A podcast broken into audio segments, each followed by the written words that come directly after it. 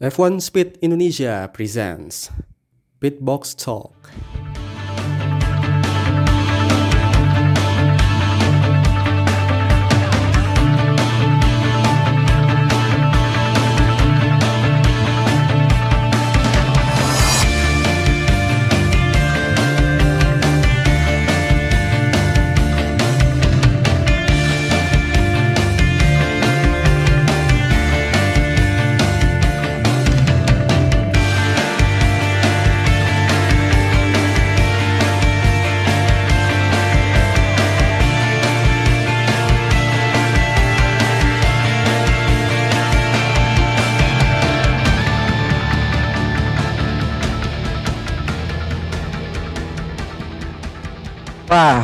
Sebuah minggu yang sangat menyenangkan, tersenyum lebar bagi penggemar F1 yang ya ya netral lah, yang nggak terlalu mendukung Max atau Lewis uh, Max Verstappen dan Lewis Hamilton.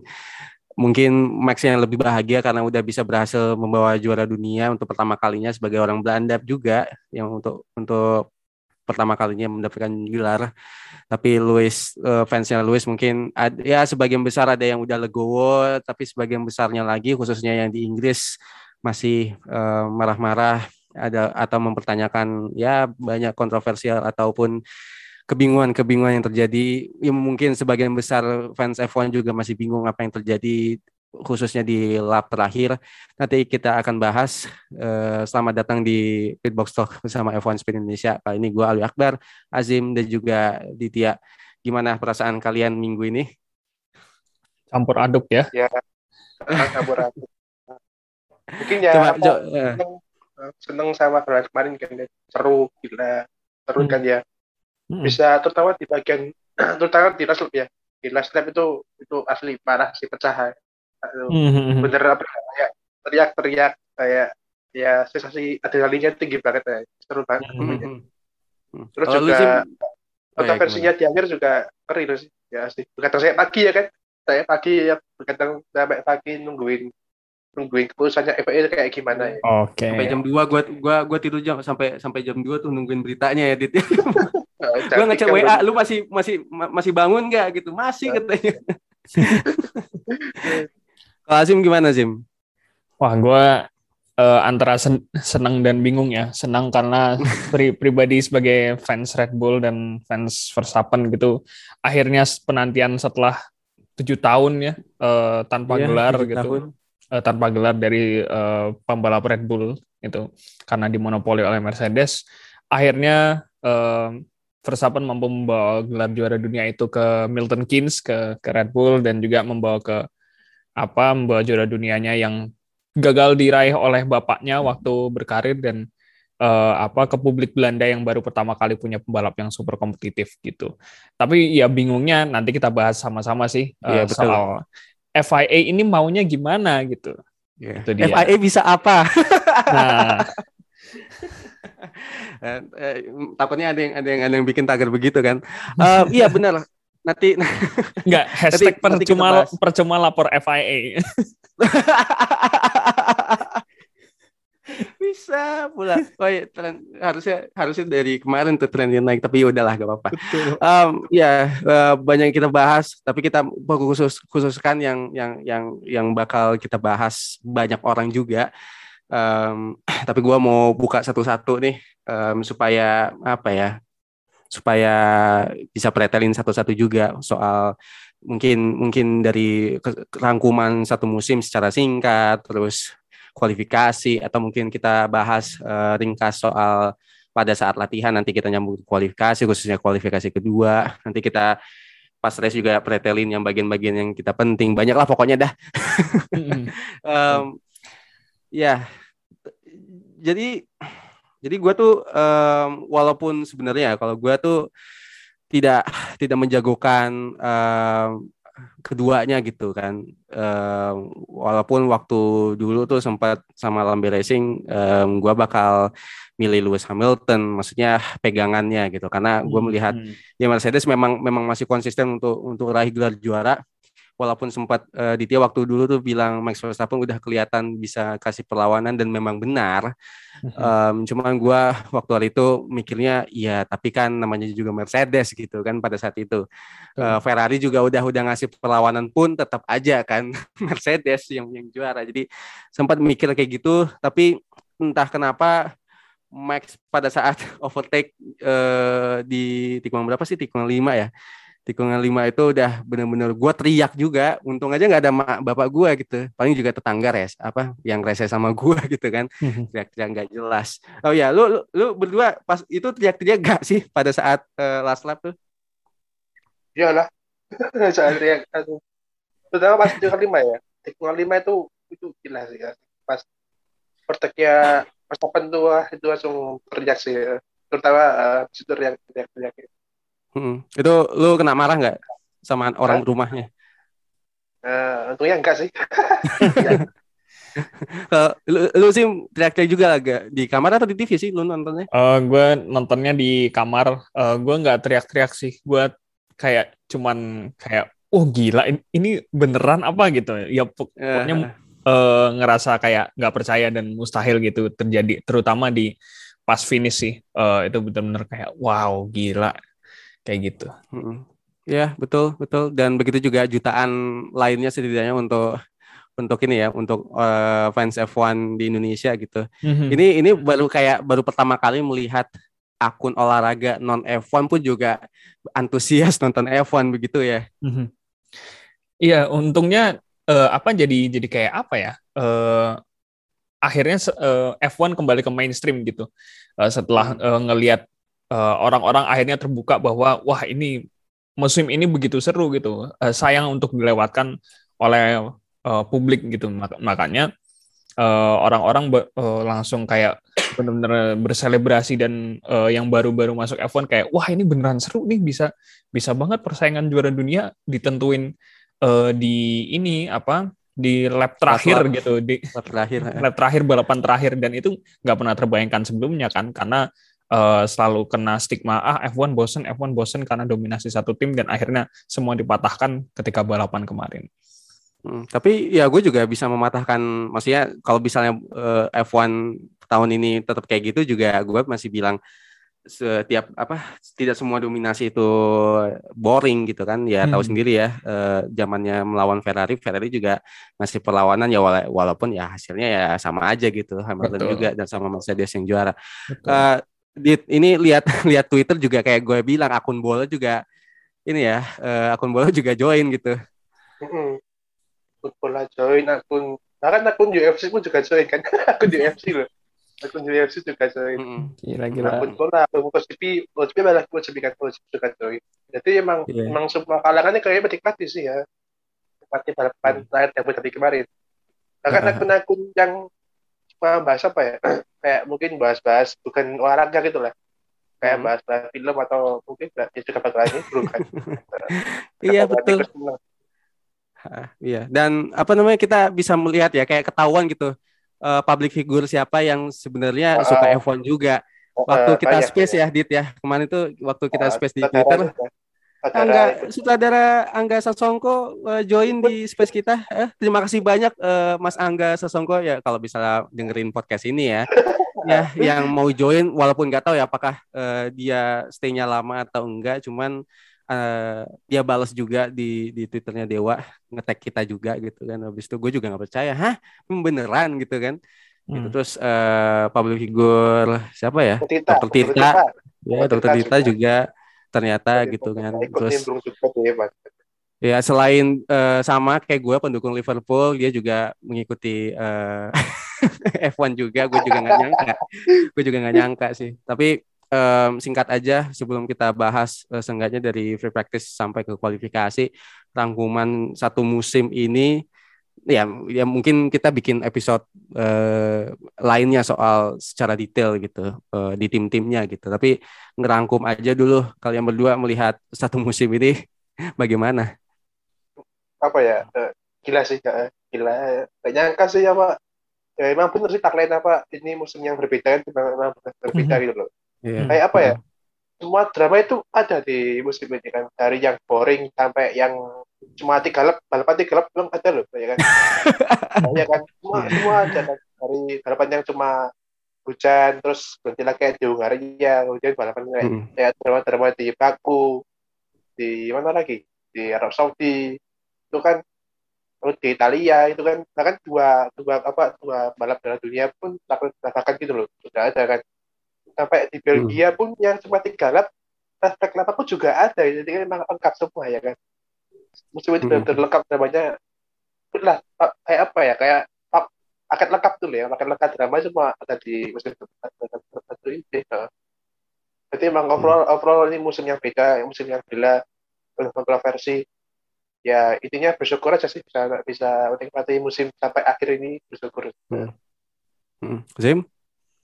Uh, ya em, ini emang kayak musim yang benar-benar meruntuhkan segala ekspektasi maupun segala stereotip negatif ya uh, terhadap uh, Formula One gitu yang mungkin dulu-dulunya ada orang yang mencap bahwa wah F1 boring gitu uh, dominasi satu tim gitu.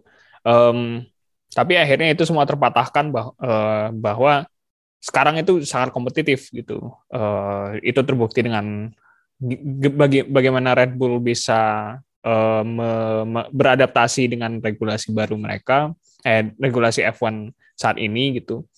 Um, kemudian banyak juga uh, unpredictability kan yang tidak bisa dikira-kira gitu, tidak bisa diperkirakan uh, tiap balapan itu outcome-nya masih masih nggak jelas, masih abu-abu karena ada tim yang sangat sama kuat dan kadang-kadang ada faktor X yang benar-benar bisa bikin makin acak gitu loh uh, balapannya ya itu di Hungaria lah atau mungkin di Baku waktu waktu itu uh, atau mungkin ya di Abu Dhabi sekarang gitu kan nah hmm. itu uh, akhirnya publik kembali kembali tercerahkan bahwa wah ini uh, eh, F1 nih ini baru nih uh, apa sebuah sebuah motorsport yang yang akhirnya nanti nanti yang bisa seru dan bisa apa di, di dipahami juga uh, bagian serunya ada, ada di mana karena persaingannya begitu begitu ketat hingga di balapan terakhir begitu.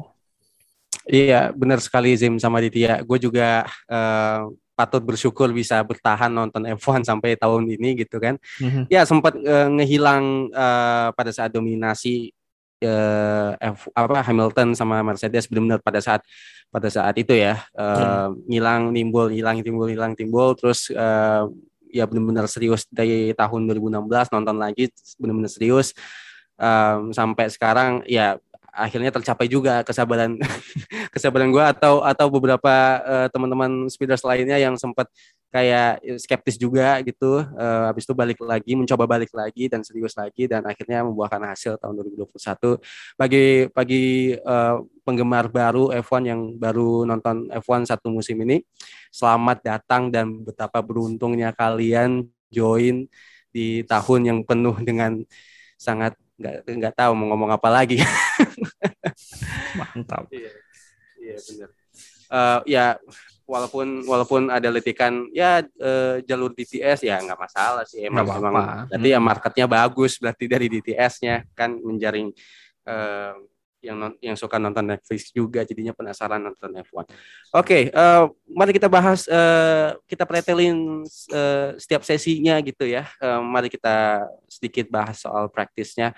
Dari praktisnya aja udah udah balas-balasan nih antara Max Verstappen sama Lewis Hamilton. Tapi menariknya adalah uh, Max Verstappen atau seenggaknya tim Red Bull berani mencoba mengotak-atik ya uh, settingan mobilnya khususnya di bagian wing. Eh, ya saya belakang Hmm. Um, itu apa yang dipertimbangkan menurut kalian ya, point of view kalian, pertimbangan dari uh, downforce-nya atau mungkin gue mengistilahkan dengan apa ya soft skill uh, mobilnya? Karena, karena karena biasanya kan yang kita tahu Red Bull sukanya di tikungan. Ini dengan uh, pada saat itu yang lagi panas-panasnya harus meningkatkan soft skill nih. Uh, point of view kalian bagaimana? Uh, kalau Red Bull sendiri sih mereka apa ya kayak mencoba target itu loh. Mereka mencoba buat masang masang mencoba kan mereka. Mereka masang road force buat menyaingi apa speednya Mercedes kan mereka. Mereka pengen bisa nyaingi speed mobil-mobil Mercedes gitu loh. Jadi mereka pasang pasang redway yang road force kemarin. Hmm. Jadi intinya itu Red Bull mereka mereka bantu maksimal pokoknya. Mereka pengen maksimal di terus kan. Tapi ya sebenarnya kan terusnya ada dua kan. Hmm. Terusnya ada dua. Jadi mereka pengen maksimal di sana. Cuman masalahnya kan di TikTok ini gimana gitu. Akhirnya mereka teruskan buat pokoknya kita pasang auto force masalah di kita ketiga ya udah paslah ke pas saja ya paslah ke skillnya hmm. pas saja gitu itu terbukti kan di di di kualifikasi itu bekerja gitu loh ya kan di load force kenceng di urusnya kenceng tapi mm-hmm. di bukan pun nggak kenceng berkat berkat skillnya pas gitu loh berarti emang emang Red Bull ini emang emang mereka pinter sih harusnya tapi pinter sih walaupun pinter mm-hmm. juga kan dengan dari skill juga tapi mereka juga pinter mengerti di mana kuat di mana lemah di mana mereka bisa tahu itu kalau buat siapa si Hamil sendiri ya ya gimana ya emang mobilnya udah kenceng ya kan mobilnya, mobilnya udah kenceng mau pakai wing apa pun juga bakalan kenceng juga gitu jadi hmm. emang ya apa yang dilakukan Red Bull ini ya maksimal lah kemarin untuk di kualifikasi di di praktis juga maksimal. Iya, um, betul. Um, tapi gue lihat Mercedes masih pede sama pace-nya Zim ya. Sangat pede. Um, mereka sejak free free practice kedua ya mereka mereka kuasain ya. uh, apa satu dua itu si Hamilton sama Bottas. Nah itu mungkin di situ mereka juga udah udah paham wah ini setting yang tepat nih kalau misalkan buat uh, race, uh, race team gitu buat race pace yang gimana. Um, itu juga terbantu juga dengan kondisi mesin mereka sih. Kondisi mesin mereka kan sebenarnya uh, cukup baru ya. Uh, kalau diingat Bottas itu di Qatar uh, ganti, kemudian mesinnya Hamilton itu dari Brazil. Nah itu uh, mesin mereka ba baru dan itu bakal membantu uh, akhirnya bisa membantu mereka untuk dapat top speed yang lebih maksimal gitu ketimbang mesin Honda yang ada di uh, mobilnya Verstappen sama Perez gitu kan. It, itu kan mereka uh, ganti mesinnya juga sudah lama gitu walaupun ternyata sama-sama sama-sama kenceng juga gitu uh, mesin Honda dan itu uh, yang sangat gua salutkan dari kedua pabrikan gitu.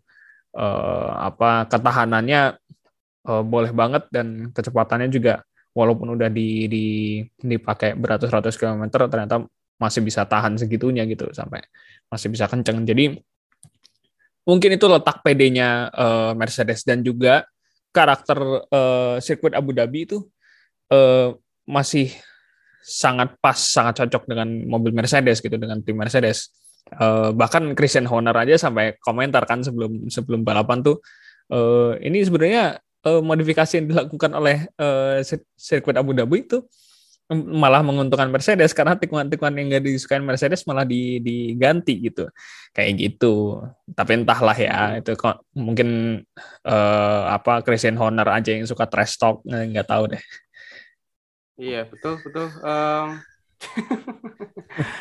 uh, ya jadinya uh, apa ya melihat melihat persaingan ini udah udah udah panas duluan sejak sejak sesi latihan. Jadinya uh, pada saat uh, sesi latihan pertama uh, Max Verstappen memimpin, habis itu dihajar sama du apa Mercedes di free practice 2 dan 3. Mari kita um, mari kita bahas soal kualifikasinya khususnya di kualifikasi kedua seenggaknya kita bahas. Um, Max Verstappen sempat lock up, habis itu bannya jadi apa istilahnya tuh? Selain gundul bannya. Flat spot. Flat spot. Oh ya, flat spot. Flat, uh. flat, ya, flat spot gitu. Gua gua tadi gua tadi nonton box box now jadi lupa istilahnya gitu kan. Um, ya itu. Jadi uh, tahu sendirilah lihat lihat bannya kalau bisa lock up kan biasanya ada timbul satu kayak uh, istilahnya luka dalam bannya itu jadinya gripnya berkurang secara drastis itu masih di sirkuit biasa ya belum lagi kalau ngomongin soal di ini ya di Prancis itu udah sekalinya kena uh, luar track langsung udah udah selesai itu bannya hmm. uh, itu yang ya itu yang ngebuat atau yang ngebikin uh, harusnya strateginya sampai sampai akhir kualifikasi kedua itu kalau kalau lolos di 10 besar ya tetap medium uh, untuk bisa bisa jangka rada jangka panjang lah langsung jangka medium atau jangka panjangnya. Tapi memaksa uh, memaksa mereka harus ya udahlah mau nggak mau harus harus ganti ke ban soft karena memang ban mediumnya ya cuma itu tok lah ya kan hmm. jadinya um, gua gua gua sempat nonton uh, main balap tuh tadi pagi. Uh, kalau ya kayak uh, gua ngutip dari Mas Azza bilangnya masih ada ada ada sedikit uh, tanda kutip rencana terselubung gitu supaya apa gitu tapi kalau gue bilang masa seresiko itu sih sebesar besar banget resikonya hmm. uh, cuma sengaja lock up habis itu ganti ke soft tapi hmm. kalau kalau apa ada emang ada sih kayaknya emang ada karena emang di sesi apa sesi yang pas kan sesi FP itu si pas itu apa ya apa itu namanya dia melakukan kayak long run base gitu loh ya kan kayak simulasi race gitu loh dia pakai hmm. kan dia hmm. di FP 2 dia pakai bansoft kan dia buat buat apa namanya itu long run nya pakai apa pakai bansoft dia selama hmm. kita pulang kayaknya dia pakai bansoft jadi emang ada indikasi kalau emang dia sengaja pakai soft itu memang ada sih hmm. tapi kayaknya kayaknya ya ya sekitar antara ya antara mungkin atau enggak ya hmm. soalnya emang Ini... emang kayak tangan pas race si pas emang pakai soft pun nggak bisa kejar dan dia nggak bisa kejar hutan juga pakai pakai itu Hmm.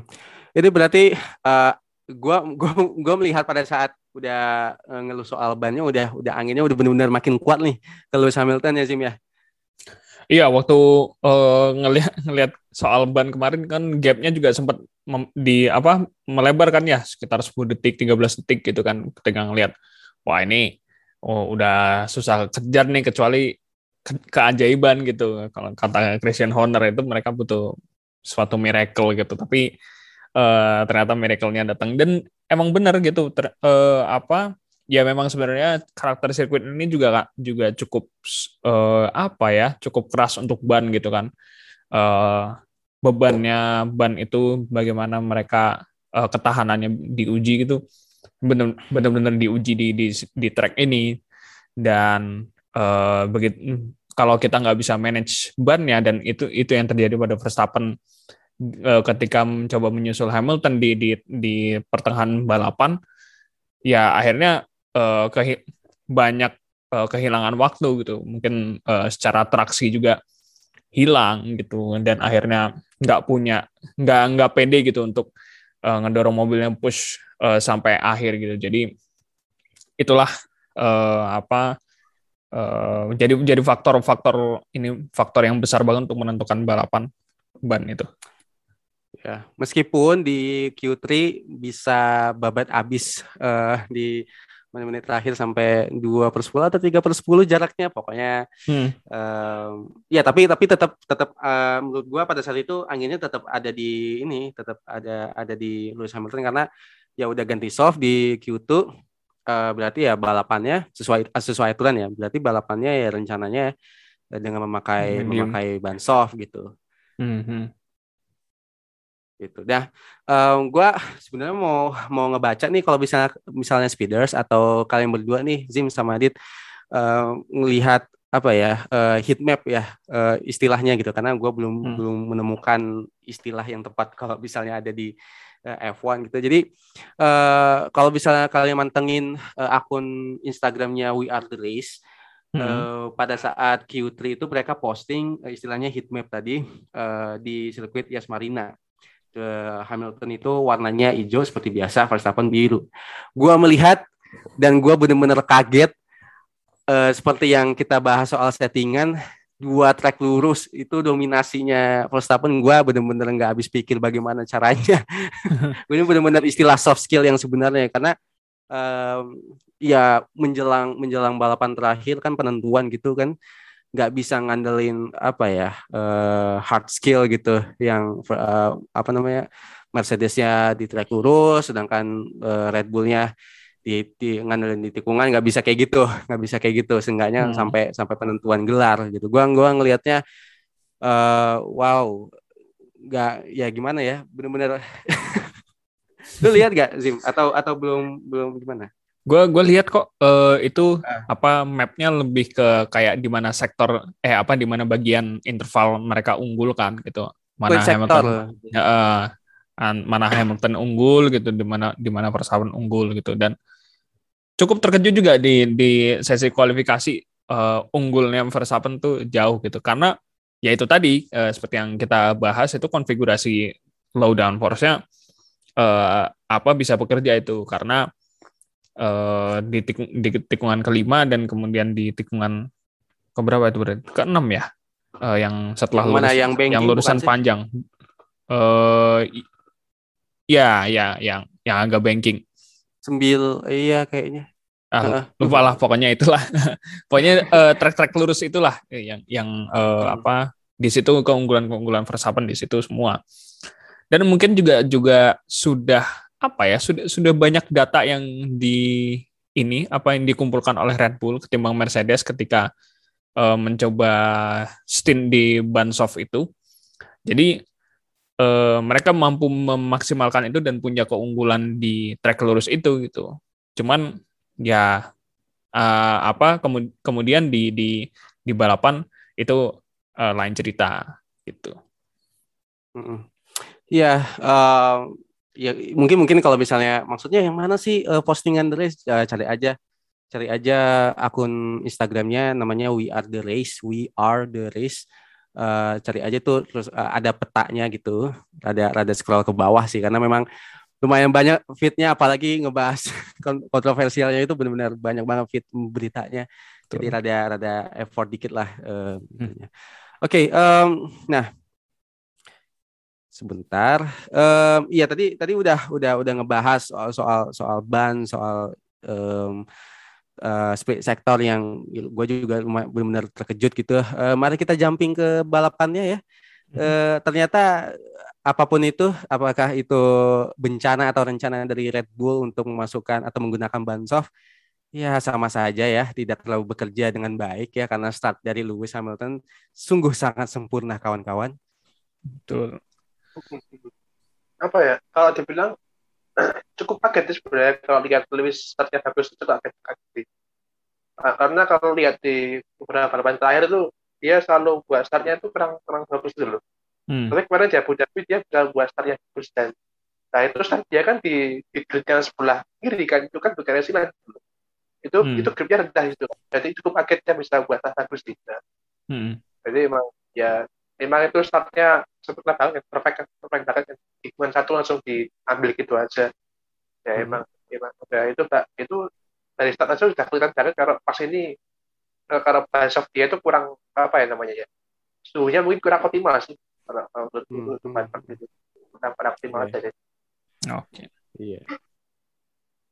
Nah, mari kita memasuki kontroversial yang pertama pada saat um, di tikungan, bentar gue lihat dulu. Satu, dua, tiga, iya.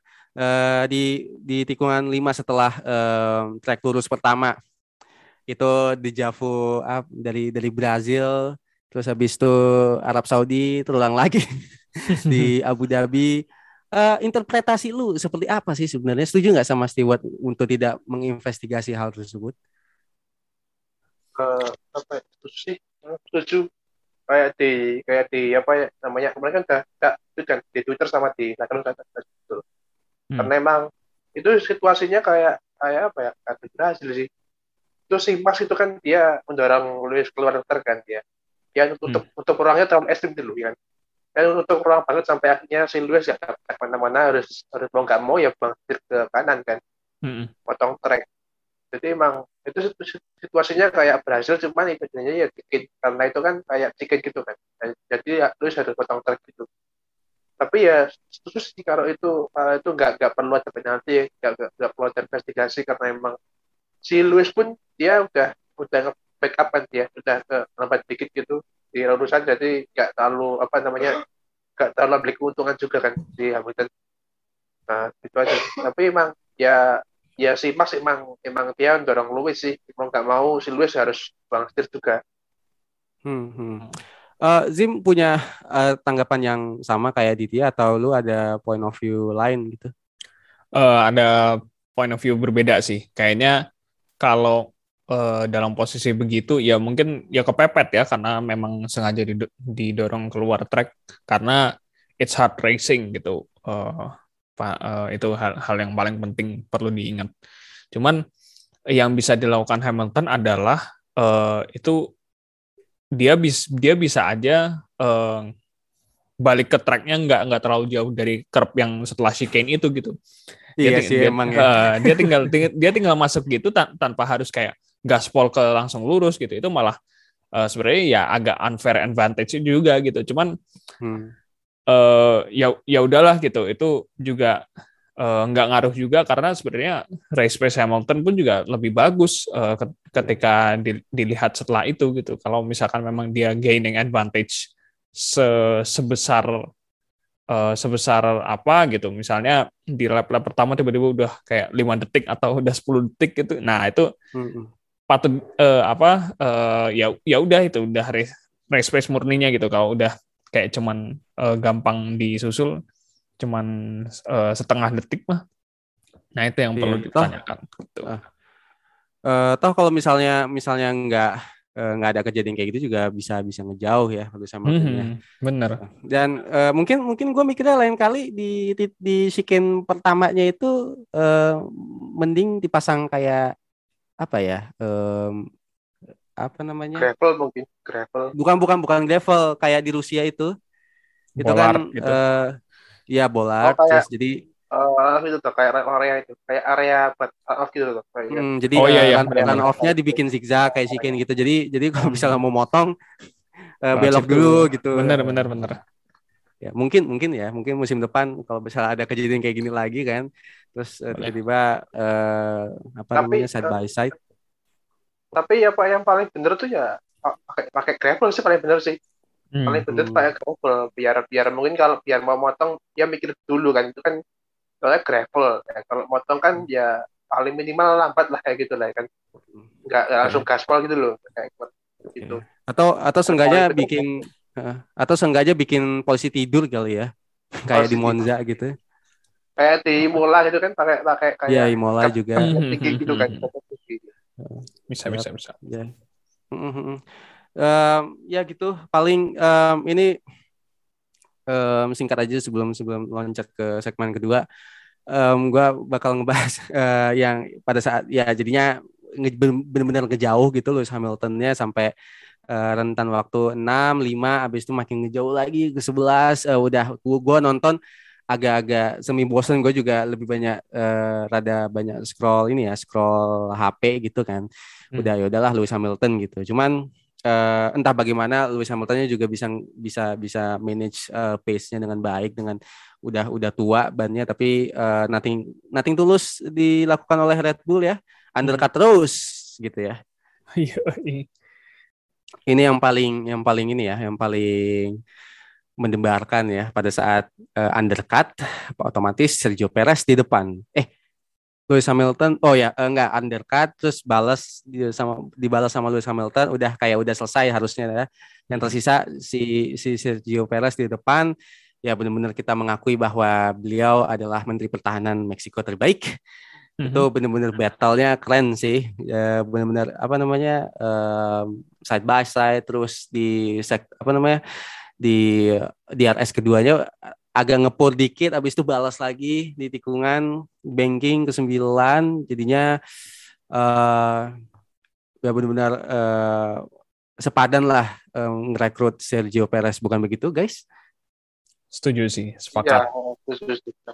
emang emang itu keren sih pak keren banget sih pak cara si Perez bertahan dari Lewis ini emang emang apa ya keren dekat juga berani ya kan? Itu gila sih ya asli. Terutama di apa ya di tikungan tuh dia berani oh ya buat berani buat lambatin mobilnya sampai sampai sampai sampai lambat itu memang keren sih. Itu lalu setor ketiga itu loh. Itu itu keren banget sih cara cara press dan Lewis biar biar pas bisa mendekat tuh itu itu epic sih ya tapi epic banget. Itu kan apa si masa awalnya jaraknya sekitar sekitar apa ya sekitar tujuh delapan detik kan hmm. Nah itu dari satu lap aja bisa sampai detik itu itu gila gila keren sih ya. Nggak bisa ngomong lagi itu betul-betul Pak Menteri paling paling keren lah. The, the best uh, defense ministry in uh, for Mexico ya. Hmm, betul betul. Dan emang itu juga sih yang apa talenta yang selama ini Red Bull butuhkan gitu uh, untuk membantu Verstappen. Uh, dan kualitasnya Ceko sebagai sebagai tim player itu uh, benar-benar teruji di situ dan uh, apa puas banget gitu ngelihat ngelihat manuver defensifnya bener bener bener nggak nggak mau nyerah dan sulit banget sampai sampai bener-bener sulit untuk dilewatin Hamilton itu itu kerennya Perez bisa memaksimalkan potensi mobilnya di situ dan um, apa uh, gue juga menunggu aksi-aksinya lagi di uh, di musim depan gimana? Iya, yeah. Uh, the apa ya? Gue menjulukinya L Plan B karena uh, Plan B dari Red Bull terus terngiang-ngiang pada saat radio ya dan mengartikan bahwa harus sedikit golong dan benar-benar uh, berbuah hasil gitu seenggaknya yang tadinya enam detik jadinya bisa mangkas satu atau dua detik kurang habis itu yaudah terserah lu Max ayo kejar gitu udah hmm. udah udah udah ngalah gitu uh, pokoknya ya harusnya mungkin harusnya udah dari dulu ya ngerekrut Sergio Perez ya. Itu nggak iya, sih? iya makanya harusnya udah dari lama. Cuman entahlah uh, mungkin idealismenya Helmut Marko waktu itu mencoba kayak ah ayolah uh, akademi Red Bull, Red Bull gitu. Tapi itu apa yang dibutuhkan? Dulu kan cuma satu kan? Balap balap kedua cuma yang punya mentalnya keras gitu loh. Kayak Perez kan punya hmm. mentalnya hmm. bagus kan dia hmm. Cuma soalnya hmm. kan selalu ambil dari apa apa dari Taurus atau apa Tauri kan hmm. yang mana itu balap balapnya masih muda itu kan masih masih belum terasa lah kayak gitu kan hmm. Taurus musim bagus diambil gitu kan kayak si Gasly sama si Albon kayak gitu kan Taurus musim hmm. dia tim tim B-nya diambil ke Red Bull jadi mental dia belum belum belum terasa Baru pada hmm. sini kan diambil baru ketika dia udah pengalamannya udah banyak, akhirnya diambil ke Red Bull. Dia ngerti nih mau ngapa-ngapain, misalnya nggak mobilnya nggak cocok gitu kan. Dia tahu kan harus hmm. mau ngapa-ngapain tahu gitu. Belum lagi mental dia di mentalnya di track udah teruji bertahun-tahun gitu. Jadi emang ya ini udah paling bener sih Red Bull. Mungkin ke depannya mungkin kalau misalkan Perez pensiun atau mungkin keluar dari Red Bull, ini ke depannya mungkin dia bakal ngambil yang udah pengalaman sih Red Bull sih baca dari ini. Yeah. Hmm. Kayak mungkin bisa Gasly, tapi lagi mungkin bisa bisa juga gitu. Hmm. Mungkin mungkin harusnya setelah Ricciardo waktu dulu tuh langsung guide Sergio Perez. Atau mungkin dua dari dulu seharusnya Ricciardo ya yang bisa uh, jadi kontender cuman ya Max Verstappen bukan pilihan yang salah. Memang terbukti berhasil untuk tahun ini. Hmm. uh, uh, cuman kan nggak uh, tahu ya uh, pertimbangannya uh, benar-benar apa ya high risk banget untuk mengorbankan uh, si Ricciardo gitu. Dan yaudah, um, abis ini kita akan ngebahas sesuatu yang uh, yang kita sudah perbincangkan dari hari Minggu kemarin, yang sering diributkan orang-orang soal apa pun itu Michael masih menjadi bubur dan apa pun itulah trennya. Nanti kita akan uh, perdebatkan, bicarakan di segmen kedua.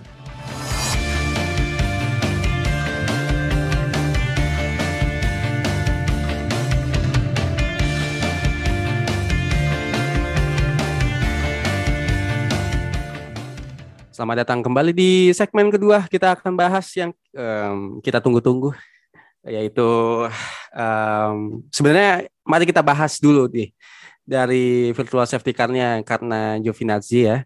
Giovinazzi hmm. mengalami permasalahan di mobilnya, pengereman atau apa. Jelas uh, dia menempatkan mobilnya di daerah yang uh, lumayan riskan ya kalau misalnya tetap balap gitu. Hmm. Um, terus Max Verstappen-nya undercut tapi Mac, apa dari Mercedes-nya nggak nggak kasih balasan sih. Nah, gua pertanyaan pertanyaannya adalah kenapa Mercedes pada pada saat itu nggak ngambil balas nih eh, respon dong gitu. Waktu itu apa ya? Uh, eh, gue kurang tahu juga sih uh, apa al alasan kenapa tidak ada uh, respon dari dari Mercedes gitu ya untuk uh, Verstappen masuk masuk pit gitu. Um, karena karena mungkin dia uh, mereka itu cukup cukup percaya diri dengan pace yang mereka punya gitu, race pace yang mereka punya, ketahanan bannya uh, meskipun uh, bannya udah udah lama, tapi itu ban hard dan uh, Lewis Hamilton juga juga cukup cukup piawai gitu untuk bisa manajemen bannya sampai uh, awet hingga akhir balapan gitu dan masih punya race pace yang unggul. Toh waktu di kala itu um, Hamilton juga masih pegang fastest lap ya kalau nggak salah. Saya mohon ya, dikoreksi. Ya, itu mungkin uh, uh, apa kepercayaan diri Mercedes dan Hamilton ada di situ gitu untuk tidak masuk pit dan mengganti ban dan akhirnya uh, apa uh, masih masih uh, apa ya tidak ini tidak memberikan respon terhadap pit stop yang dilakukan Red Bull gitu. Um, ya itu sebenarnya udah udah game on sih karena memang si Max Verstappen juga udah udah udahlah nanti tulus aja lah undercut terus kayak gue bilang kan. Sampai uh, di lap uh, pokoknya 8 lap sebelum selesai Nicholas Latifi uh, battle sama Mick tapi agak keserimpet di tikungan selanjutnya. Habis itu nabrak tembok langsung tuh wah harusnya safety car itu cuman permasalahannya adalah eh, mari kita bahas dulu dari unlap-nya itu. Hmm. pertanyaan gua lu ke lu dit waktu kayak space. Eh, pertanyaan pertama soal unlap. Itu sebenarnya mobilnya Latifi itu selesai beresnya itu benar-benar satu lap sebelum selesai atau menjelang last lap atau sebenarnya udah uh, sebenarnya udah selesai cuman kayak perintilan-perintilannya tapi sama Michael masih masih dianggap uh, ya masih bahaya kalau misalnya langsung unlap gitu. Itu selesai di pas itu mungkin sekitar lap ke 56 kayaknya. 56 atau uh, 56 kok ya. 56 itu oh, udah keluaran dan keluarin terus lap 57 itu kayak udah bersih sih ya. Udah clean tuh gitu semuanya. Hmm, nah, oh. baru akhirnya boleh. Hmm, makanya lap ke 57 itu um, unlap kan, udah unlap. Unlap, uh, unlap. Habis itu langsung masuk inkarnya gitu kan. Hmm, hmm, hmm. Tapi kalau misalnya di sisi gua sebenarnya nggak masalah karena um, kalau gua lihat ini ya beberapa video kayak main balap terus juga Chainbar tadi sore gua nonton uh, sebenarnya dua pendapat dari Bell sama Man Balap itu sebenarnya melengkapi gitu. Cuman yang Bell ini benar-benar mempermasalahkan uh, khususnya di pasal berapa saking banyaknya pasal ya Allah gitu. uh, ada dia menekankan bahwa soal safety car soal safety car dan dan dari race directornya itu punya kuasa untuk ngasih tahu kapan boleh masuk. Jadi kapan boleh masuknya itu eh, sangat berlaku. Jadi aturan-aturan soal unlap itu gak usah di, diperdebatkan. Udah udah udah udah ini udah udah tidak berlaku. Makanya makanya berlaku, soal pro, dua, ya makanya dua protes dari Mercedes ini kan dibatalkan kan. Hmm. semua. Emang karena apa? Si Masi ini kan dia punya hak kan dia. Dia punya hmm. hak ya. Punya hak hmm. untuk pokoknya dia punya kendali safety car dulu. Pokoknya mau masuk atau keluar tuh dia punya kendali situ kan. Jadi emang ya kalau kalau punya punya kendali ya semua soal soal kontroversi Alep itu ya gak berlaku semua kan akhirnya kan hmm. ya kayak hmm. gitu nah, hmm. intinya pokoknya masih itu punya kendali tapi ya masalahnya kan dia kan agak apa agak pelit kan dia kan di awal di 56 tuh dia kan kasih instruksi kan kalau hmm. kalau nggak boleh Alep kan dia kasih instruksi kalau nanti itu nggak boleh Alep tapi akhirnya di 57 tiba-tiba aja nggak boleh Alep itu loh Hmm. Balap-balap kayak di kayak kayak Norris, Vettel, Ocon, Alonso itu boleh unlap. Nah, itu pun nggak semua kan? Itu kan nggak semua. Oh ya, si Salando ya? Oh, cuma ya cuma di Verstappen aja di unlap semua. Habis itu nggak nggak ada yang nyalip lagi kan. Hmm. Nah, itu ya masalah itu itu ya masalah masalah yang itu. Hmm. Nah, terus uh, balasannya dari dari Mas Aza, hmm. Ya nggak apa-apa, memang memang aturannya begitu gitu. Walaupun sebenarnya dia juga kritik aturannya jadinya ini, jadinya uh, pasal karet gitu. Lu Zim sebagai orang karet. hukum untuk implementasinya seperti apa nih pasal karet ini? Ini kenapa jadi ada kaitannya sama hukum gitu? Beda sih. hukum olahraga ada teorinya lagi, lain lagi. Cuman kalau uh, eh, gue pokoknya uh, referensinya adalah pembahasan dari Chainbear uh, yang gue tonton tadi pagi sih. Uh, Chainbear tuh nge ngejelasin bahwa ya uh, meskipun ada ketentuan tersebut mengenai um, atur aturan bagaimana uh, si back marker yang kena overlap ini bisa unlap um, diri mereka sendiri gitu di di uh, belakang safety car dan akhirnya bisa nyalip safety, safety car untuk rejoin lagi. Um, dan ada ketentuan juga di race uh, race director atau steward gitu untuk uh, menentukan mobil yang mana aja gitu yang bisa uh, unlap ya sebenarnya apa ya uh, di situ oke okay lah itu memang uh, kuasa uh, kuasanya steward gitu, kuasanya race director untuk mengatur itu kan di situ dibilang any car gitu. Uh, berarti nggak sem nggak semua all mobil. cars ya. Mm, bukan all cars, tapi any car. Mo mobil apa pun yang mengganggu jalan jalannya balapan yang secara in order gitu. Itu uh, apa uh, bakal bakal uh, mengganggu dan harus segera disingkirkan itu untuk uh, mereka harus uh, balik ke antrian ke belakang baru baru bisa ini baru uh, baru bisa dimulai lagi balapannya itu ya udah itu keputusan penuh race director gitu. Cuman um, yang jadi permasalahan adalah yaitu konsistensinya uh, bagaimana penentuannya gitu. Harusnya kalau di lap awal sudah dibilang tidak tidak boleh unlap ya udah nggak nggak usah unlap sampai seterusnya gitu. Karena tinggal sisa berapa lap lagi gitu. Kalau mau misalnya mau di unlap ya harusnya udah dari lap-lap sebelumnya gitu. Tinggal misalnya tinggal hmm. sprint uh, sprint sprintnya kira-kira sisa tiga lap atau dua lap gitu.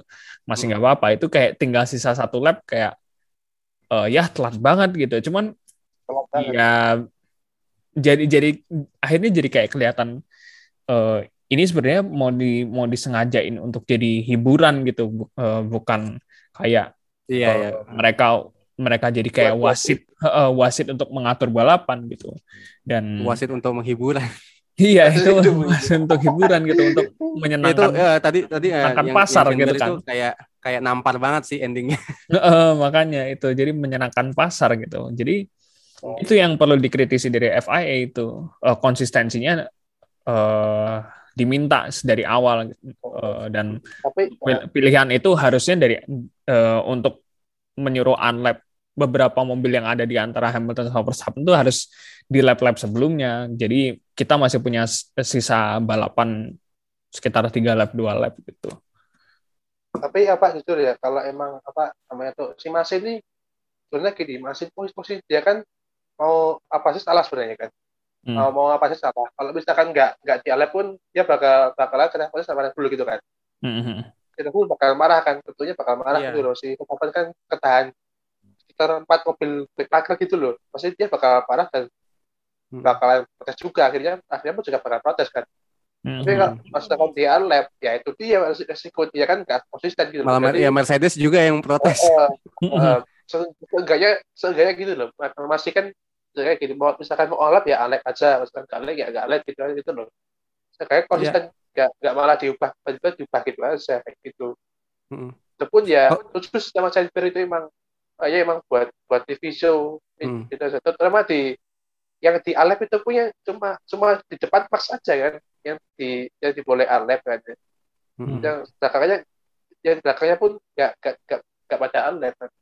gitu ya yang dimasalahkan itu yang di problem Hmm, iya, iya. Tapi uh, sebenarnya gue rada, rada, rada ini ya, rada um, apa ya, menaruh perspektif lain gitu. E, gimana kalau misalnya pun iya gitu Michael masih punya tekanan pasar gitu. Coba kalau misalnya kayak tahun 2012 ngikutin uh, ngikutin masih aturan 2012 uh, selesai balapan dengan menggunakan safety car pasti banyak yang lebih ngomel lagi. Ah nggak seru lah endingnya segala macem. Banyak yang oh, protes oh, juga lebih banyak penting penting gitu malah nih banget ya nggak yang yang nggak tahu ya yang nggak tahu ya ya yang nggak tahu gitu kan kalau ya. kalau kalau aku pribadi malah penting gitu ya soalnya hmm. soalnya emang emang apa ya soalnya nggak ngetok ngetok apa sama hmm. jadi siapa ya nggak bikin kelihatan kayak nyari nyari nyari nyari show gitu loh ya kan uh, ya, kan ini hmm. emang emang emang kelihatan banget mereka mereka nyari nyari TV kan nyari, nyari TV hmm. show mereka ya. hmm. atau seenggaknya ya dari awal dari awal nggak cuma berubah Iya, uh, sorry, sorry gue potong dit. Uh, maksudnya gue mau lanjut lagi, lanjutin lagi gitu. Ya gue mikir kayak uh, gimana kalau misalnya selama ini, selama satu musim ini, uh, Michael Masi kayak uh, apa ya punya tekanan pasar gitu karena uh, tahu sendiri kan F1 semakin meningkat uh, secara pasar terus habis itu ada tuntutan buat uh, jangan ngebosenin sebisa mungkin gitu jadi uh, mungkin salah satu yang dipikirin gue kenapa nggak terlalu apa nggak bisa konsisten gitu karena ya itu tadi uh, salah satunya tekanan pasar bisa saja itu terjadi gitu sama Michael Masi. Nah terkait sama uh, balapan kemarin ini gue iya gue ngelihatnya kayak gitu uh, perdebatan yang kayak tahun 2012 misalnya uh, selesai dengan uh, safety car pasti Michael Masi juga kena uh, kenapa nggak kayak uh, maksudnya ya nggak cepat unlap gitu atau kekeh sama aturan yang uh, under safety car. Nah terus kalau misalnya uh,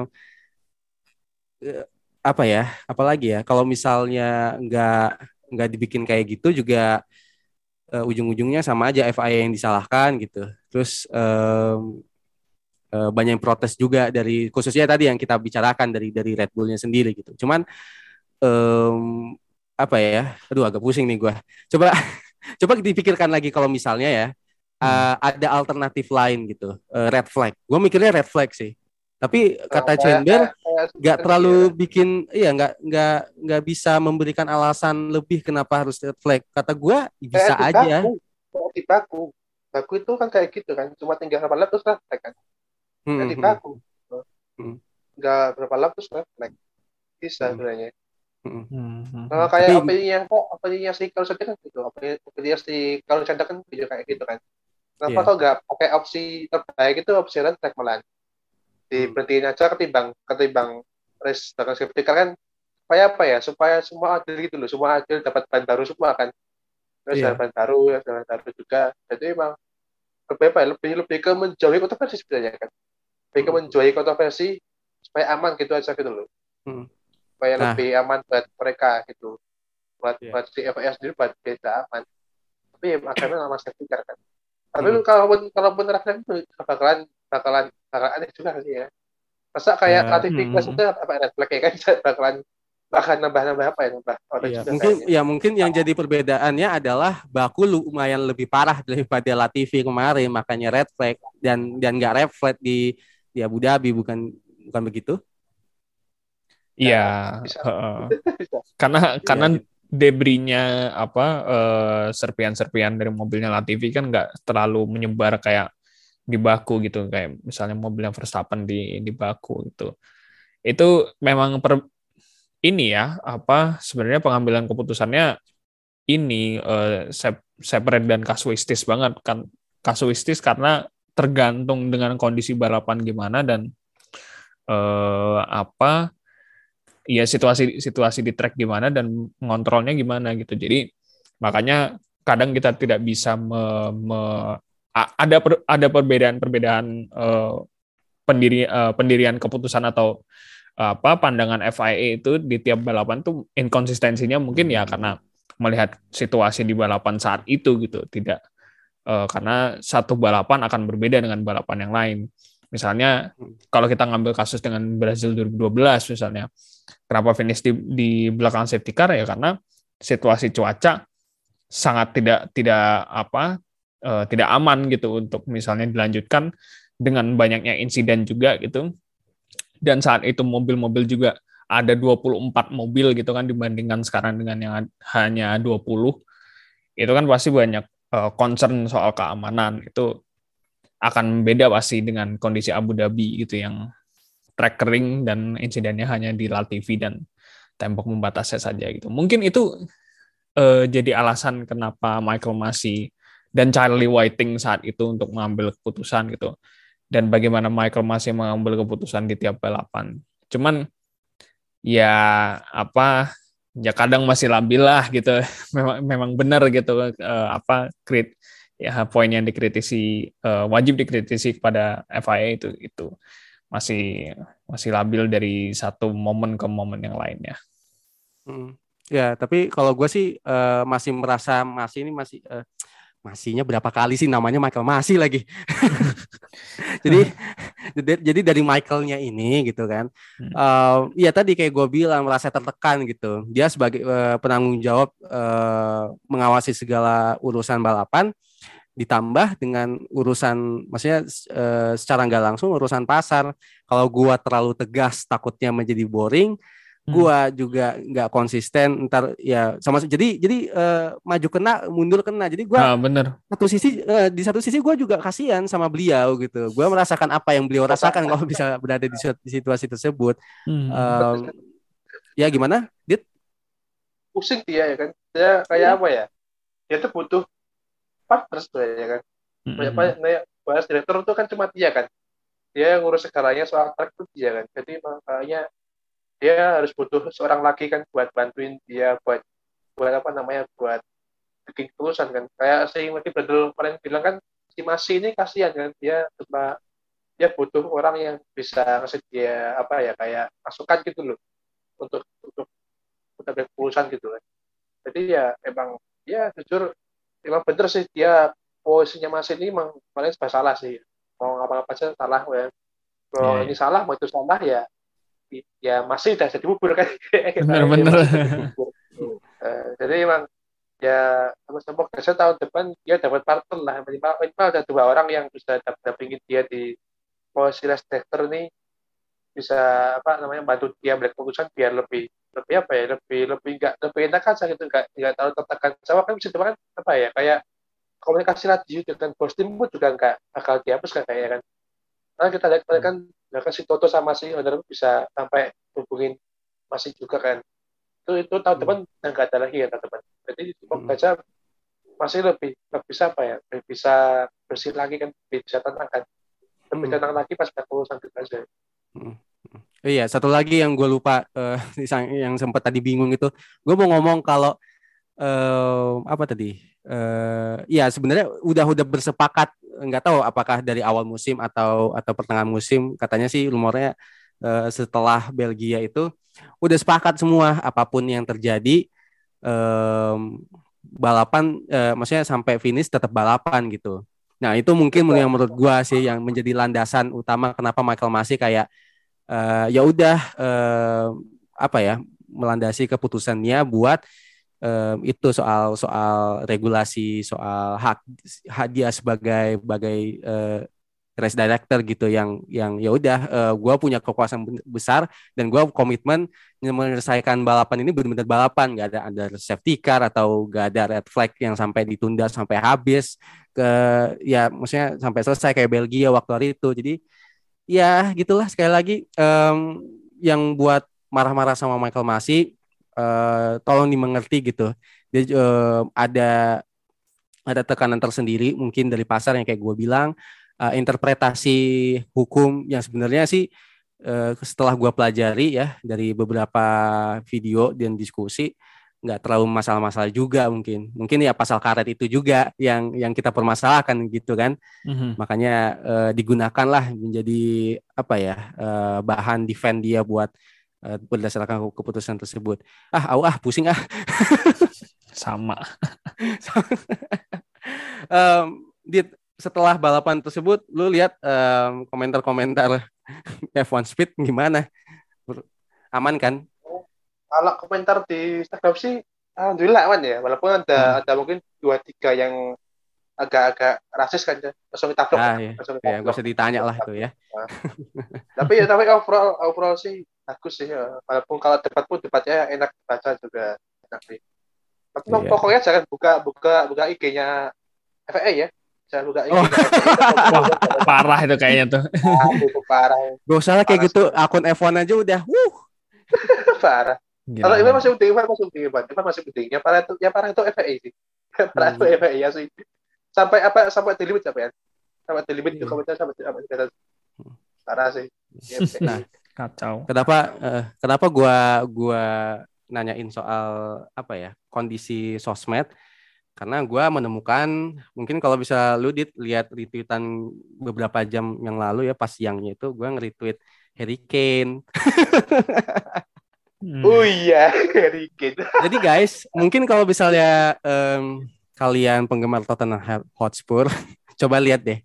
Uh, oh ya Tottenham Hotspur, Tottenham Hotspur fans dan fans fans F1 juga coba lihat uh, tweet uh, dari Harry Kane gitu. Harry Kane, Harry Kane, jadi gini, jadi gini, uh, dia mengaku dia baru join di F1 dan ah. benar-benar amazed lah sama Lewis dan Max uh, Max Verstappen selama pertarungan mereka uh, eh, gue sih nggak terlalu expert cuman rasanya kok kayak gimana gitu peraturannya nggak adil uh, hari ini. Mungkin maksudnya pada saat balapan ya gitu. Nah why should Hamilton dia dia nanya nih why should Hamilton be penalized for somebody else crash? Sebelum sebelum sebelum sebelum sebelum sampai sampai segitu gue gua ngerti karena dia udah udah disclaimer gitu I'm new to F1 oke. Okay. ya, cuman gue agak agak gimana gitu kata-kata penalize-nya. Penalize itu dalam arti penalti atau dikorbankan sih kalau bisa enggak, coba Zim. Uh, penalize itu maksudnya uh, ada dua arti sih di sini. Entah itu konteksnya dia dirugikan karena ya, dirugikan. Uh, dirugikan karena apa? Uh, kecelakaannya si Latifi itu atau mungkin penalti secara literal gitu, secara harfiah dikasih penalti uh, biar kalah gitu loh dari Verstappen hmm. gitu. Hmm. Nah, mungkin yang dimaksudkan oleh uh, apa Harry Kane itu ya apa dirugikan gitu. Jadi ya dirugikan. Gue juga kayak gitu makanya. Dirugikan, betul. Makanya makanya gue nggak mau terlalu uh, terlalu berlebihan gitu. Cuman mm-hmm. for somebody else crashnya itu loh. Ya iya, maksudnya oh, nggak oh, ada. Mas- bikin, bikin uh, apa? Mm-mm. Kalau misalnya dirugikan pun juga ya balik lagi kenapa nggak respon uh, undercutnya dari Max Verstappen. Tapi ya gue juga kita juga ngerti gitu dari Hamiltonnya ya. dan dan ya dan dari dari Lewis Hamiltonnya gini ya saya jelaskan ya uh, Mas Harry Kane gitu mungkin kalau bisa mendengarkan podcast ini. Jadi Mas uh, aturan sepak bola sangat berbeda sekali aturan balap. Enggak cuma F1, MotoGP juga gitu. Hmm. Eh, khususnya F1 lah gitu, karena memang ada khusus buat safety car-nya gitu.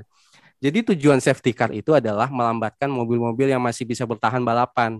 Kan ada satu balapan, eh, satu pembalap yang keluar karena kecelakaan dan satu lain hal gitu, jadi nggak bisa lanjut. Nah, ada kondisi tertentu di mana mobil yang lumayan agak tengah atau kondisinya nggak memungkinkan kalau bisa dilanjutin karena uh, ada ada kecelakaan lainnya dan segala macam dan itu mengganggu evakuasi mobilnya. Ya, itulah fungsi dari safety car buat setidaknya melambatkan dan ngasih advantage waktu buat Marshall buat ngebersihin apa-apa yang ada di mobil itu Mas Harry Kane. Jadi nggak apa-apa kok, nggak apa-apa, nggak apa-apa. Seenggaknya seenggaknya kamu udah udah udah disclaimer I'm new to F1 udah jujur gitu. Gitu hmm. aja. Mana tahu takutnya kan dia kan public figure gede nih jadinya ya ini ini aja komen-komennya banyak yang terinfluence sama beliau. Jadinya hmm. mari kita harus luruskan sejenak gitu. Iya. Gitu sih. Cuman ya unyu sih. Makanya makanya makanya gue bilang sejak uh, ya pokoknya musim ini gitu akun-akun olahraga yang non balap aja pun uh, ikut antusias. Termasuk ya bapak ini gitu ya kan. Mungkin. Hmm. oke deh jadi um, ya gitulah kesimpulan akhir uh, soal balapan Yas Marina dan segala kontroversialnya seperti apa Bapak-bapak sekalian? Ya, pokoknya siapa aja yang juara ya nikmatin aja ya kan. Pokoknya apa ya kayak misalkan gini. Kan ini kan kasus sudah selesai. Juaranya hmm. udah ditentukan kan. Hmm. paling enggak ya kita udah lah bukan lah ya kan. Nggak usah bahas-bahas. Kayak mungkin yang ini beruntung lah ya gitu. Ya dari itu dari bukan lah atau itu itu apa namanya itu hoki itu itu kan lah. Stop lah stop stop ya kan. Hmm. stop nah move on. Ini tahun depan nanti kita bakal musim baru kan musim baru. Mobil baru apa semua baru tolong. Udahlah stop aja hmm. jadi kita udah jalani musim yang luar biasa kan. Musim yang luar biasa yang udah serunya bukan main. Semuanya hmm. semua drama ada ya kan. Paket hmm. lengkap pokoknya ya kan yeah.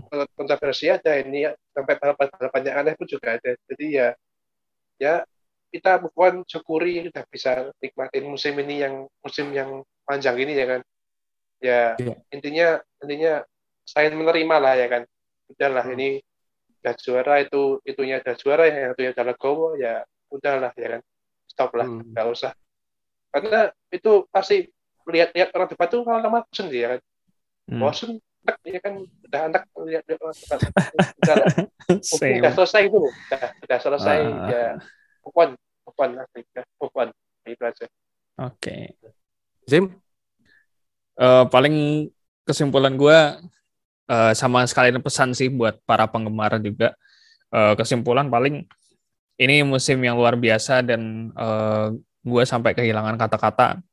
Ini apa gimana cara mendeskripsikannya? Pokoknya salah satu musim terbaik uh, dalam sejarah F1 gitu. Uh, terus untuk pesan-pesannya pada para penggemar ya benar kata Ditya bahwa kita harus move on gitu. Uh, ini udah musim musimnya udah selesai juara dunianya udah udah uh, udah ditentukan siapa.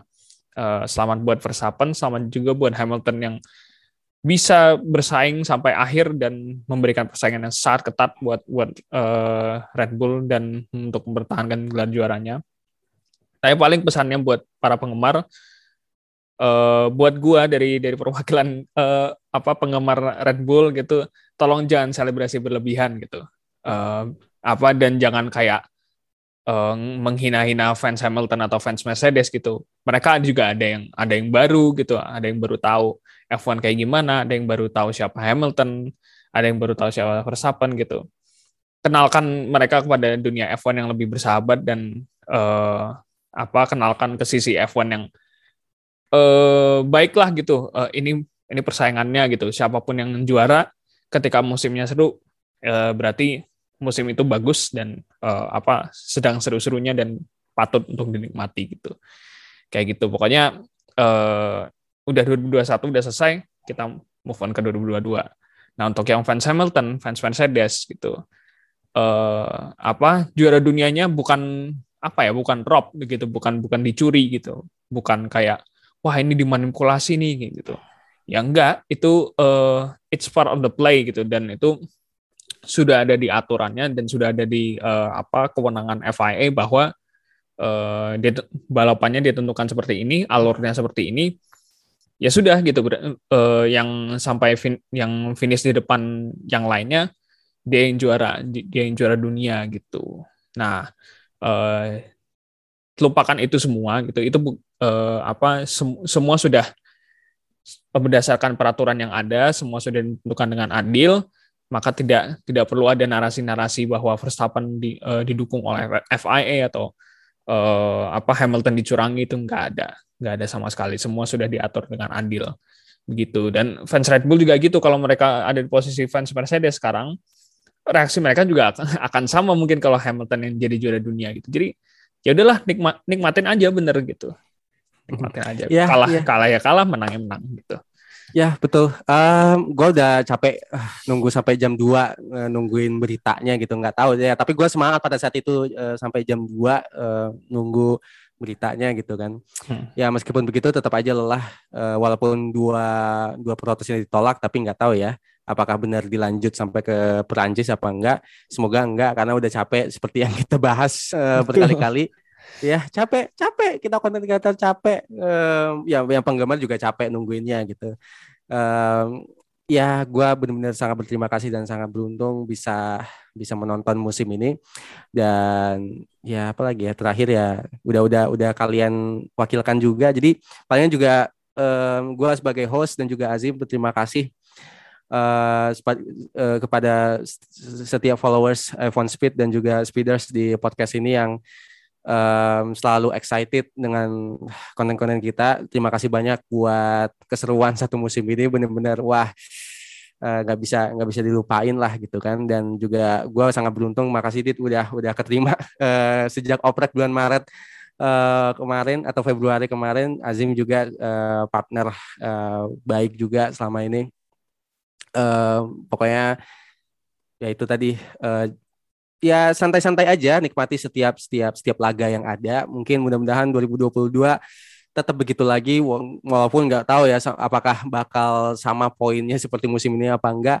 Uh, tapi semoga um, persaingan ketat masih ada lagi lah untuk untuk tahun depan dengan segala perubahan regulasi dari cost cap habis itu mobil bentuk mobil walaupun bukan mesinnya Uh, semoga makin makin menambah uh, keseruan tersendiri. Sekali lagi terima kasih semua uh, Azim dan juga Aditya selama satu musim ini. Terima kasih speeders dan juga followers di um, sosial media. Ya, akhir kata gue Alwi dan juga Azim Ditya. Terima kasih banyak. Sampai ketemu di musim depan 2022. See you.